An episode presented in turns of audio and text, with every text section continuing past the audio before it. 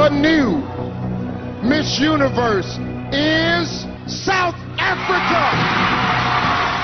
It was an out of body experience because I do nod my head because I'm in actual disbelief wow. that, you know, this is happening. Yeah, I'm so happy that, you know, powerful women picked it up because I think awareness and the louder we scream out a message, you know, the more it gets out to the people because we do need these leadership skills in women and in young girls moving forward into the future because we do need that confidence to know that, you know, we're also capable of leading. En nou bring sy die boodskap aan alle vroue in Suid-Afrika. Tinsiland môre op die OR Tambo Internasionale Lughawe in Johannesburg, waarna sy haar stampvol program byna onmiddellik afskop. Die bestuurshoof van die Mevrou Suid-Afrika kompetisie, Stephanie Wheel, sê dit het gehelp om haar program op te stel. We then have a couple of press briefings and some VIP meetings and then we off to Mthatha for her real homecoming and seeing the people that really raised her and brought her up and she's over the moon for that leg of the trip. And we make our way on Sunday evening to Idutwa, where her mom lives.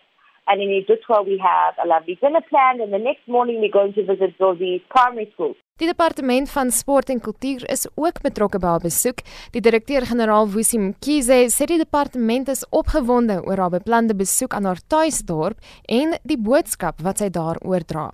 She is coming from Solo in Eastern Cape. You can imagine what this does for those young little girls, even at a primary school, who just want to be a symbol of hope. And that's what I think as a Department of Sport, Arts and Culture uh, feel so much uh, proud about her. Hy sê die boodskap wat sy bring aan vroue in die land is van onskatbare waarde. She continues to demonstrate that beauty can go with brains and that her identity cannot be then the one that needs to be changed. She is original. Weil sê hulle verwag 'n reuse uitkoms môre, juis omdat Tunzi 'n trotse vlam in Suid-Afrikaners se harte aanblaas. Zozi went over to Miss Universe wearing the title of South Africa across her chest.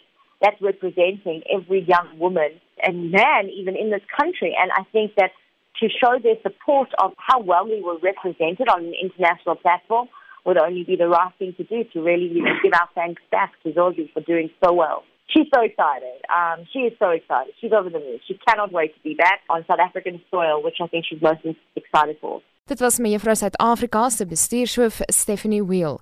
Ek's Marlene Forsie vir SAK nuus.